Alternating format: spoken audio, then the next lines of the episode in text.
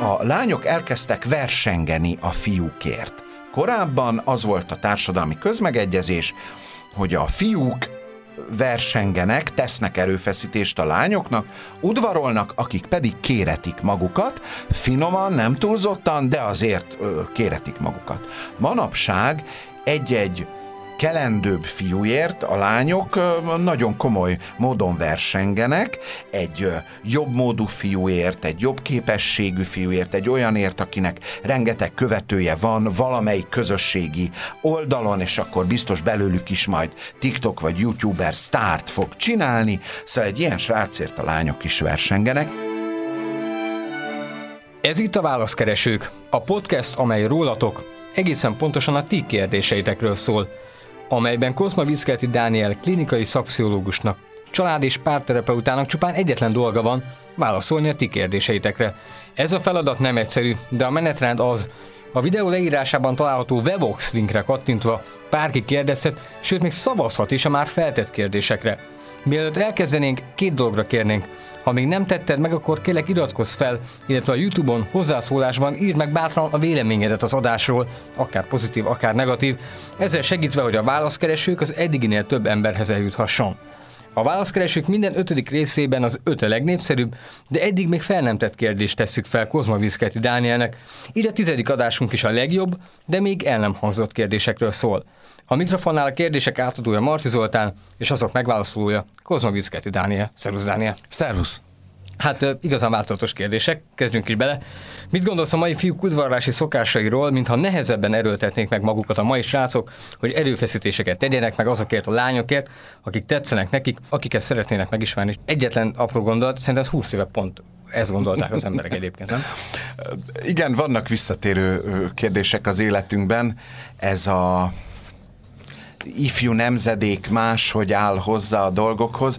Ezt Hésziodosz időszámításunk előtt 7. században Ergakai Hémerai című könyvében leírja, és azóta szerintem minden nemzedék elmondja, hogy igen, ezek a mai, mai fiúk, mai lányok, mai fiatalok.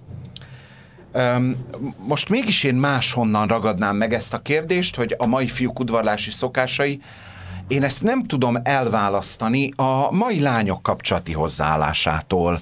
Szóval nem gondolom, hogy a mai fiúk romlottabbak, a lányok pedig ugyanúgy levendula illatú leány szobákban liliomokat szagolgatva kegyes ájtatosságban élnek, hanem együtt változnak a nemi szerepek, a szerepfelfogás, az ismerkedési lehetőségek, Úgyhogy nagyon nehezen beszélek külön a mai fiúk udvarlási szokásairól, hanem a mai fiúk és lányok ismerkedési szokásairól könnyebben mesélek. Egy olyan nemzedék nő föl, sőt már a második olyan nemzedék, akiknek mi, az én, tehát a most aktív szülői nemzedék adtuk át az erőfeszítésmentesség útmutatását, hogy lehetőleg igyekezzetek minden komolyabb erőfeszítés nélkül élni. Lúzer az, aki bármiért többet tesz, mint ami szükséges, stb. stb. És hát a párkapcsolati ismerkedésben is nagyon elterjedt gondolat, hogy nem érdemes különösebben erőfeszítéseket tenni a kapcsolatért, amíg működik, addig működik, ha megjön az első egy-két konfliktus, akkor inkább cseréld le, mert sokkal könnyebb találni egy új párt, ott van a mindig összekeverem a Twittert meg a Tindert, de az egyik az egy ilyen ismerkedős alkalmazás, szóval, hogy ott van a számtalan online lehetőség, úgyis minden újadra jut tíz fiú vagy lány, kinek kinek orientációja szerint, tehát nem érdemes nagyon erőfeszítéseket tenni. Hát ha csak visszaidézem az előző adásban elhangzottakat, ott azt hiszem nagyon hosszan beszéltem arról, hogy egy kapcsolat sikere, értsd eredményessége, harmonikussága, kiegyensúlyozottsága leginkább a benne élő felek erőfeszítésein, szándékán múlik.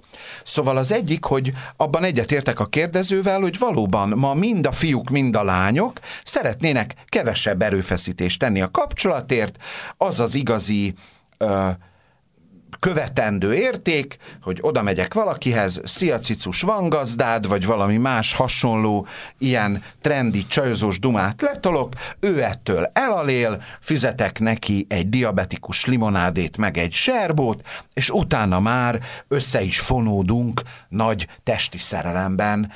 És mind fiúként, mind lányként ez egy ilyen nagyon könnyű és egyszerű, és nem kell itt nagy erőfeszítéseket tenni. Hát azt hiszem, hogy ilyen módon nem annyira kiegyensúlyozott, meg nem annyira harmonikus kapcsolatok jönnek össze, mert a, a, a kapcsolati odaszánás hiányzik alkalmasint belőlük. A hivatásom ugyanakkor arra tanít meg, hogy hát ítélkezésmentesen szemléljük a folyamatokat, mert a, ez egy markáns különbség a hit és a lélektan között, ez több kérdésnél visszaköszön, hogy pszichológusként nagyon nehéz a jó-rossz tengelyen elhelyezni dolgokat, már pedig a hit meg az erkölcs pont ebből indul ki, szükséges, hogy legyen valami abszolút jó, meg abszolút rossz, abszolút igazság. A lélektan inkább arra tanít meg, hogy nézzük meg, hogy ez mit könnyít meg, és mit nehezít meg. Mit tesz, mi a hozadéka, meg mi a költsége mit nyerünk abból, vagy illetve a benne lévők, szóval a, a mai fiatalok mit nyernek abból, hogy ilyen erőfeszítésmentesen próbálnak ismerkedni, és mit vesztenek általa. A, amit nyernek, az a több irányú tapasztalat, nagyobb számú tapasztalat, ez szinte biztosan nyerik, ami adott esetben később, hogyha elvégzik az ehhez kapcsolódó önreflektív, önismereti munkát, akkor az egy nagyobb életbölcsességet hozhat számukra. De hát ahhoz megint ugye egy munkát kéne elvégezni. Ha ezt megsporolják, akkor nem nyernek semmit ezzel a túl nagy tapasztalattal. A másik, amit vesztenek, az tényleg az a, az a hozzáállás, mert megerősítődhet bennük, hogy tényleg nem érdemes egy kapcsolat sem létrejöttéért, sem fenntartásáért komolyabb erőfeszítést tenni, már pedig azt hiszem, hogy hosszú távú, elkötelezett, akár élethosszig vállalt, kiegyensúlyozott párkapcsolatban pont erre lesz szükségük. Vagyis eleve mondanak valamiről, amit így nem is nem is gyakorolhatnak, nem is tapasztalhatják meg az értékeit, később sem áll majd rendelkezésükre. Ö, hadd hozzak megint egy ilyen távoli metaforát, hasonlatot, hogy ez nekem mihez hasonlít. Ez olyan, mint hogyha azt mondanám, hogy hát sportolni fárasztó, meg fogok izzadni, büdös leszek, csomó időbe kerül, inkább nem is sportolok soha. Ücsörgök itthon, eszegetem a chipset. Ezzel megsporolok egy csomó erőfeszítést magamnak, és egy idő után pedig nem is leszek képes sportolni, mert úgy megnövelem saját magamat, meg annyira elsorvadnak az izmaim, ugye a vázizmaink olyanok, mint az agyunk, ha nem használjuk, akkor elsorvad, Szóval egy idő után nem is leszek képes rá, és akkor könnyen mondhatod, hát én most meg már nem is akarok tenni. Szóval a párkapcsolat ez egy ilyen, hogy ha mindenhez erőfeszítések nélkül jutunk, és ez kölcsönösen a fiúkon és a lányokon múlik, uh, mindkettejük hozzáállásán, akkor akkor valami nagyon fontos a kapcsolathoz társuló értéket, vagy hozzáállást tulajdonképpen kirakunk az életünkből. Túl azon, hogy a fiúk ö, igyekeznek minél kevesebb erőfeszítéssel megúszni a lányokkal való ismerkedés lehetőségét, ezzel párhuzamosan pedig a lányok elkezdtek versengeni a fiúkért. Korábban az volt a társadalmi közmegegyezés, hogy a fiúk versengenek, tesznek erőfeszítést a lányoknak, udvarolnak, akik pedig kéretik magukat, finoman, nem túlzottan, de azért kéretik magukat. Manapság egy-egy kelendőbb fiúért a lányok nagyon komoly módon versengenek, egy jobb módú fiúért, egy jobb képességű fiúért, egy olyanért, akinek rengeteg követője van valamelyik közösségi oldalon, és akkor biztos belőlük is majd TikTok vagy YouTuber sztárt fog csinálni, szóval egy ilyen srácért a lányok is versengenek, és ez az a jelenség, ami részben új, ez valahol így a 60-as, 70-es évek kultúrájával, tehát a beat kultúrával, aztán a szexuális forradalommal került be a viselkedési repertoárba, ez kapcsolta azt ki, hogy, hogy a, már a srácok sem annyira versengenek, mert, a, mert miért tennék, amikor a lányok ezt megteszik helyettük. Ezzel évszázados nemi szerepeket írunk fölül, ami mondom megint lélektani szempontból nem jó vagy nem rossz, van költsége, meg hozadéka. A fő kérdés azt hiszem, hogy hogyan alkalmazkodunk, meg ha értékeink alapján hozunk egy döntést, hogy mi milyen kapcsolatot szeretnénk, milyen kapcsolatban kívánunk élni, meg milyen módon akarjuk megélni saját férfiségünket vagy nőségünket, akkor ahhoz ragaszkodunk, és adott esetben széllel szemben lesz szükséges ragaszkodnunk ezekhez az értékeinkhez, mert mondjuk a kultúránk pont tök másra bíztat bennünket. Az online tér az ismerkedést hogyan változtatta meg a kommunikációs szempontból? Tehát egészen máshogy kommunikálunk online térben, ahol a kifotoshopolt fotóval ott vagyunk a dagadó izmokkal, meg a hölgyek nyilván a gyönyörű Más arc, dagadó. Más dagadó én akartam így mondani. Igen, igen, igen. Én más... kimondhatom, te neted meg. Tehát, hogy, hogy, de ugyanakkor meg a személyes találkozáskor meg hát lehet, hogy ott beledadogunk, meg egyszerűen nem merünk megszólalni. Tehát hogyan változtatta meg a kommunikációt az online világ egy randin? Valóban az online ismerkedés lehetősége az kinyitotta a világot, nagyon sok emberrel kerülhetünk nagyon gyorsan, nagyon felületes kapcsolatba. Nincs tétje, tényleg százakkal válthatunk néhány rövid üzenetet. Ebből nagyon-nagyon kevéssel fogunk mélyebb beszélgetést kezdeményezni. Ez egyszerre felszabadító, meg zavarba ejtő, tehát ezt se tudom ilyen jó rossz tengen elhelyezni. A, abban viszont teljesen egyetértek veled, hogy az online térben nagyon könnyű, ugye nem vagyunk személyesen jelen, van időnk reagálni, adott esetben 17 másodpercet is kivárhatunk, mire egy frappáns választ elküldünk, és hát rögtön barátunk a Google, ugye találhatunk mindenre nagyon frappáns riposztokat, meg van egy csomó ilyen nagyon jól bevált szlogen, amit küldhetünk egymásnak, és nem fog látszani, hogy ez valóban a miénke, vagy valahonnan éppen szedtük, mert az online tér személytelensége ezt elmossa. Tehát így nagyon megkönny, nagyon könnyű lett az, hogy nagyon sokakkal gyorsan ilyen felületes vagy felszínes ismerettséget kössünk. A későbbre tolódott a kapcsolat nehézsége, hogy ezeket a nagyszámú felületes ismerettséget hogyan váltjuk valóban személyes, két ember közötti jelenléten alapuló kapcsolattá, az már sokkal nehezebb kérdés. Én is azt tapasztalom, amit te mondtál, kliensek arról számolnak be fiatal felnőttek, hogy hát a valamelyik üzenetközvetítő szolgáltatáson zseniál, olyat beszélgetnek, hogy fantasztikus, olyan riposztok mennek, hogy elképesztő, fú, de frappáns, fú, de bölcs, fú, de zseniális, fú, de humoros, nagyon klassz, és amikor ott ülünk egy kávézóban, vagy egy, vagy a Margit sziget egy padján, vagy valamely trendi, randi helyszínen végre személyesen, és nézzünk egymásra, mint Noé a harmadik tevére, hogy ú, na most mit kezdünk egymással. Például ez az érzelem, amit most rajtad látok, ez micsoda?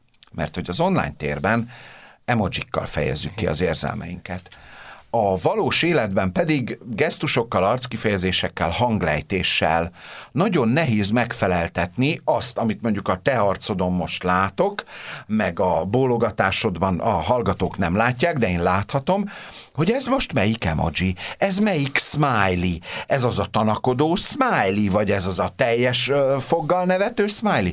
Szóval, hogy most mi van rajtad, és amit én magamon észlelek, érzelem, felfokozottság, izgalom, ez most melyik smiley, most melyiket mutassam neked. Képzeld el, néhány évvel ezelőtt egy benzinkútnál, ugye konkrétumokat nem mondunk, mert nem fizetnek a reklámért, láttam olyat, hogy fejezd ki magad szlogennel árulták, plüss emoji set. Hm hogy vidd magaddal egy ilyen torna zsákban, és akkor föl tudod mutatni, tudod, hogy most ez a puszilós fej, nesze, ez most a mit tudom én milyen mosoly, ez most az a bizonyos kaki, szóval, hogy, hogy egy ilyen szettet lehetett plüsből kapni. Tehát, hogy mi korábban, amikor az online tér nem állt rendelkezésünkre, az volt nehéz, hogy esetleg ott álltunk egy, egy szórakozó helyen, vagy egy közösségi alkalommal, és nem mertünk odalépni a másikhoz, mert júj, mi lesz, őzé, visszautasít, nem, stb. stb. ez a, lép, ez a lépés volt az igazán nehéz, most pedig ez későbbre tolódott, mert az online térben bárkihez odalépünk. Hello, szia, Mizu, egy ilyen üzenetet bárkinek elküldünk. Ha válaszol rá, lehet, hogy lesz belőle egy beszélgetés, de lehet, hogy itt ennyibe marad, mert azért ennél több szükséges ahhoz, hogy egy ö, ö, valós beszélgetés elinduljon. Szóval, hogy későbbre tolódott a nehézség, mégpedig oda, amikor először lesz szükséges személyesen találkoznunk. Ha ezzel tisztában vagyunk, és készülünk rá, és igyekszünk elsajátítani az érzelmek megértését, észlelését, meg kifejezését, akkor nem leszünk bajban. Ha valóban a, a társas életünk nagy részét képernyő előtt töltjük, akkor viszont érdemes arra készülnünk, hogy nagyon nehéz lesz valós személlyel valós kapcsolatot kialakítani, már pedig egy elkötelezett párkapcsolat az egy valós személlyel való, igazán húsvér kapcsolat.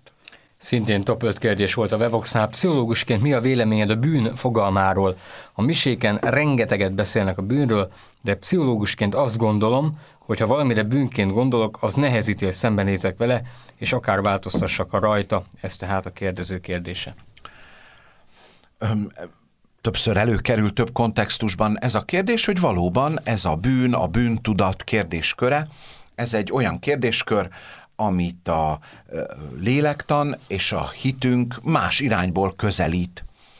A pszichológia nem erkölcsi kategóriákban gondolkodik, így módon a, a ilyen belső döntések folyamányait inkább egy költséghozadék tengelyen helyezi el, nem pedig egy valamiféle kinyilatkoztatásból fakadó jó-rossz tengelyen.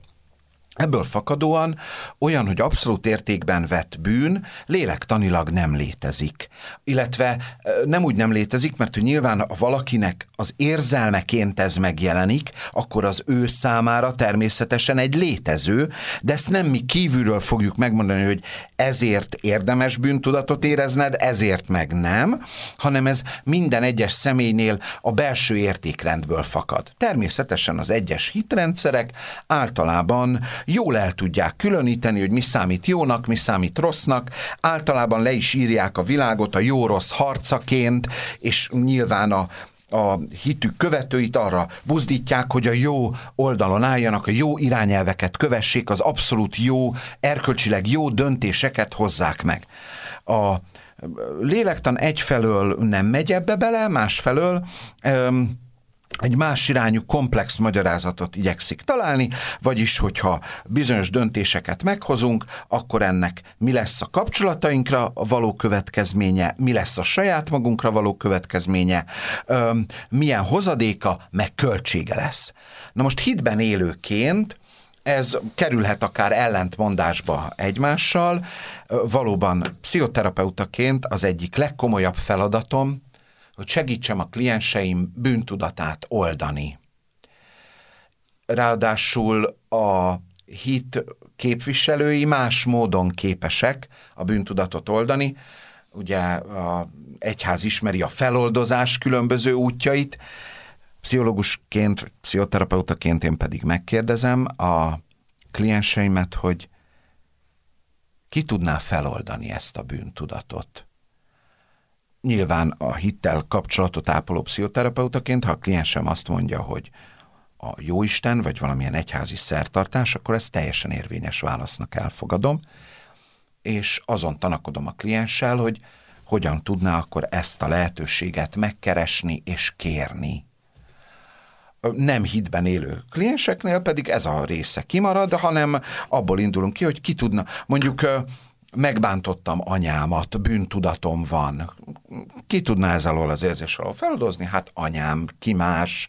Milyen módon tudnál édesanyáddal úgy beszélgetni, hogy ezt a, a, a bűntudat attól. Megjelenik a kőtábla előtt, hogy tiszteld anyádat és apádat. és apádat. Igen, Igen, de hogy ugye a, a pszichoterapeutaként az a fontos, hogy e, ez a anyuka meg a gyermekek között egy kiegyensúlyozott kapcsolat jöhessen létre, ami nyilván a kiegyensúlyozott kapcsolatot beárnyékolja egy megbántódás, egy ebből fakadó bűntudat, egy, egy összekülönbözés. És terapeutaként az a feladatom, hogy ezt oldjuk, rendezzük, megoldjuk. azért lovagolok ennyit a szavakon, mert néha szokták mondani, hogy konfliktus kezelés, pszichoterapeutaként nem a kezelés, hanem a konfliktus megoldása feladatom, de ez messzire vezet. Szóval, hogy pszichoterapeutaként az bűn a kliensem számára, amit ő, ő annak tekint. Nem én fogom megmondani, hogy az ő egyes döntései közül melyik, melyiket tartom én jónak, és melyiket esetleg én ellenzem. Kérdezhetek tőle, hogy és akkor mi lesz, hogyha mondjuk ez dönti, vagy az dönti. Ez alól két kivétel van, pszichológusként vonatkoznak ugye a törvények ránk, és ez előírja, hogyha például konkrét gyilkossági szándék, vagy kiskorú jav, vagy kárára elkövetett bármilyen bántalmazás merül föl, akkor azt bűnnek, de jogi értelemben bűnnek szükséges tekintenem, és ilyenkor jelentési kötelezettségem van. Minden más esetben hasonlít mondjuk a gyónási titokhoz, minden más esetben biztos lehet benne a kliens, hogy amit rám bíz, az közöttünk marad, és én semmilyen fórumon, senkinek, semmilyen módon nem adom tovább az ő történetét. Mondom, ez a két kivétel, amit a jogír elő számunkra, tehát ez sem egy egy hitbéli parancsolatból fakad, hanem egy jogi előírás, hogyha a kliens azzal jön, hogy gyilkosságra készül, vagy bármikor az élete történetében kiskorút bántalmazott bármilyen módon, akkor ezt jelentenem szükséges. Szóval a, a, a bűn pszichoterapeutaként vagy pszichológusként egy erkölcsi fogalom, egy hitbéli fogalom, amit azok számára van érvényessége, akik hitben élnek, vagy erkölcsileg gondolkodnak.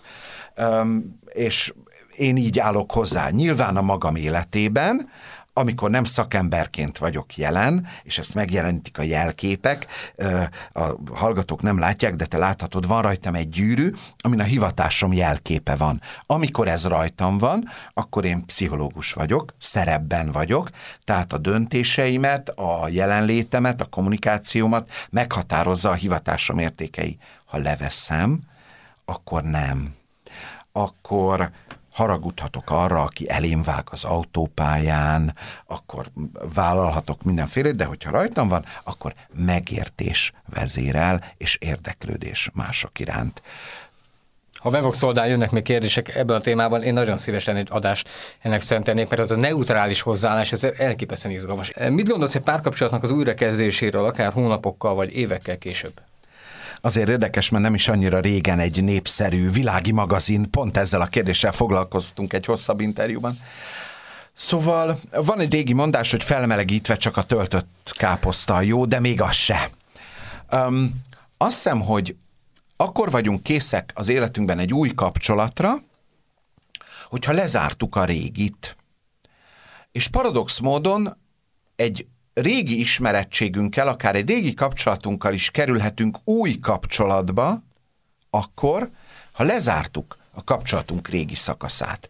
Tehát, ha ez az újrakezdés, ez tényleg egy újrakezdés, nem pedig egy folytatás. Akkor várhatom egy kapcsolattól, ami egyszer nyilván felelősen döntöttünk amellett, hogy vége lett. És akkor tudom ugyanezzel a személlyel újra kezdeni a kapcsolatot, ha ez meg van dolgozva, elgyászoltuk a kapcsolatunk korábbi szakaszát, lezártuk, és később egy más életszakaszban, más élettapasztalattal, akár más értékekkel, hiszen mind a ketten változtunk közben, de arra a ismerettségre alapozva, amit korábban szereztünk egymás felől, arra alapozva tudunk egy kiegyensúlyozott és biztonságos kapcsolatot létrehozni. De akkor ez nem hónapok ideje? Azt hiszem, hogy ez inkább évek, mint hónapok. Üm, szokták mondani régen, hogy a, a gyászév. Tehát amíg egy komoly kapcsolat elvesztését, és itt nyilván nem csak a fájdalmas veszteségről beszélek, amikor meghal a szerettünk, hanem egy kapcsolat lezárul, tehát követően legalább egy évre van szükségünk, egy teljes természetes ciklusra, ugye, amiben van tavasz, nyár, ősz és tél, hát lassan csak tél lesz, vagy csak nyár, de nem akarok ilyen olcsó poénokkal kibújni a válaszoló. Szóval egy, egy teljes természetes ciklusra van szükségünk ahhoz, hogy tényleg így lezárjuk magunkban, lekerekítsük magunkban a, ezt a kapcsolatot, és lehet később szerintem újrakezdeni, de ne várjuk azt, két dolgot ne várjunk az újrakezdéstől. Az egyik, hogy ugyanott folytatjuk, ahol abba mert közben mindketten változtunk. A másik pedig, hogy azt se várjuk, hogy most minden más lesz. Nem lesz minden más. Azok a dolgok lesznek máshogy, amit máshogy csinálunk, máshogy döntünk, máshogy kommunikálunk azt is érdemes tudnunk, hogy ha erre vonatkozik egy tudatos elhatározásunk, hogy korábban türelmetlenek voltunk egymással, ezért mentünk szét, most nem leszek türelmetlen, ez a tudatos elhatározásunk, ez békeidőben fog működni. Minden ilyen tudatos elhatározás nagyon jól működik addig, amíg nem ér minket kísértés, szóval amíg nem kerülünk érzelmi nyomás alá ott a, mondjuk egy kapcsolatvita hevében az ilyen tudatos elhatározásainknak körülbelül a 10, maximum 20 százalékához férünk hozzá, tehát ne várjuk azt, hogy minden máshogy lesz, hanem az lesz máshogy, amit mind a ketten megdolgozott módon, önreflektív módon, felelős módon máshogy csinálunk. De ismerek olyan kapcsolatokat, amik valóban ilyen későbbi életszakaszban való újrakezdésből épültek. Teljesen logikus az, hogy mondjuk találkozok valakivel tízes éveim közepén, mind a ketten még elég hebehudják vagyunk, mind a ketten másra figyelünk a tanulmányainkra, tök más élettapasztalatunk van, összekapcsolódunk, aztán szétsodródunk egymás mellől, mert még nincs bennünk az az odaszánás, hogy egy elkötelezett kapcsolatot akarunk, és esetleg a 20-as éveink közepén, vagy életközépen, esetleg mind a ketten fájdalmas módon megözvegyülve, vagy egyedül maradva újra találkozunk, és jé, meglátom benned ugyanazt, akit tudtam akkor szeretni, vagy becsülni, és ennek a biztonságérzetére alapozva újra elkezdünk ismerkedni egymással. Mi a rosszabb, hogyha nem sikerül ellenállni a kísértésnek, és megtörténik az együttlét házasság előtt, vagy ha kibírjuk, hogy ne történjen meg, de utána mind a ketten önkielégítést végzünk, miközben egymásra gondolunk, melyik árt jobban nekünk, illetve a kapcsolatunknak, kérdezi a kérdező. A szexualitásra egyébként nagyjából még körülbelül két adás múlva külön fogunk beszélgetni. Igen, és um, egyfelől örülök, hogy ennyi kérdés vonatkozik a szexualitásra, másfelől ez pont egy olyan terület, ahol hitünk parancsolataiból és a lélektan ismereteiből egészen ellenkező, esetenként egymást kizáró válaszok születnek. Ugye ez a mi a rosszabb, ha csak a egyház tanítása szerint válaszolok, akkor mind a kettő rossz, mert mind a kettő bűn. Szóval, hogy két bűn között kíván választani a kérdező. És ha felveszed a gyűrűt, akkor Így is, úgy is a, kárhozatot kockáztatja. Lélektani szempontból viszont, ahol nincs hozzá kapcsolva a szexualitáshoz egy ilyen bűnkategória, sőt, életünk egyik meghatározó szükségletéről van szó, ebből a szempontból azt gondolom, hogy egy megélt, egymással megélt szexualitás jobban építi a kapcsolatot, mint egy külön-külön megélt szexualitás. A természetesen mondom, pszichológiai értelmemben semmi gond nincs azzal, hogy a páromra gondolok, miközben önkielégítést végzek, és a vele kapcsolatos fantáziáim segítenek engem gyönyörhöz jutni, azonban ha csak ezen a módon valósul meg a kapcsolatunk, akkor a testünk erre tanul rá. És később, amikor akár házasságba kerülve lehetőségünk válik megélni, akkor is a testünknek azok a reakciói jönnek elő, és lesznek természetesek, meg begyakorlottak, amiket az önkielégítés során szereztünk. Mondok egy konkrét példát, ez azt hiszem korábban is szóba került az önkielégítés kapcsán, hogy Például, amikor fiúk önkielégítenek, nagyon gyakran egy időnyomás van rajtuk, és igyekeznek minél hamarabb eljutatni magukat a csúcsélményhez, és hogyha ebbe beleragadnak, a testük rászokik, és később egy megélt párkapcsolatban is, hát három-négy perc alatt elsülnek, ami nyilván egy megélt elköteleződésre alapuló párkapcsolatban nehezen lesz a kiegyensúlyozott és kölcsönös örömforrásnak tekintett szexuális élet alapja, nem akarok számokkal dobálózni, de 2016-ban elkészült a magyar lakosság nagy mintás, tehát 16 ezeres mintán elvégzett szexuális szokás felmérése, és ebből tudjuk, hogy a, magyar átlag az 33 perc a szexuális együttlét időtartama. Ez képes nyilván, ha az egyik fél olyan ha, négy percig képes ebben részt venni, akkor ez nagyon távolra fog esni attól az időtartamtól, amit a párok átlaga vagy döntő többsége mondjuk ilyen szokás szerint, vagy megfelelően kielégítőnek tart. Szóval, hogy a, a lélektani szempontból a önkielégítésnek ha csak ez marad a repertoárban, akkor ennek később több nehézsége lehet, mint egy kölcsönösen megélt és kölcsönös örömforrásnak számító szexuális életnek. De mondom, ez pont egy olyan terület, ahol a pszichológia ö, ismeretei, meg hitünk parancsolatai, hát akár ki is zárják egymást. Igen, ilyen egyházi oldalon nézve ez két rossz közötti választás. Így van. Mennyire lehet, vagy mennyire etikus túlzottan szabályozni a házasságban születendő gyermekek számát? A szexuális együttlét célja szabad-e, hogy csak az örömszerzés legyen, nagy eséllyel kizárva a gyermekáldás. Mit mond erről a lélektan? Azért is kérdezem mm. így, mert az egyház erről nagyon vaskos tanítást mond.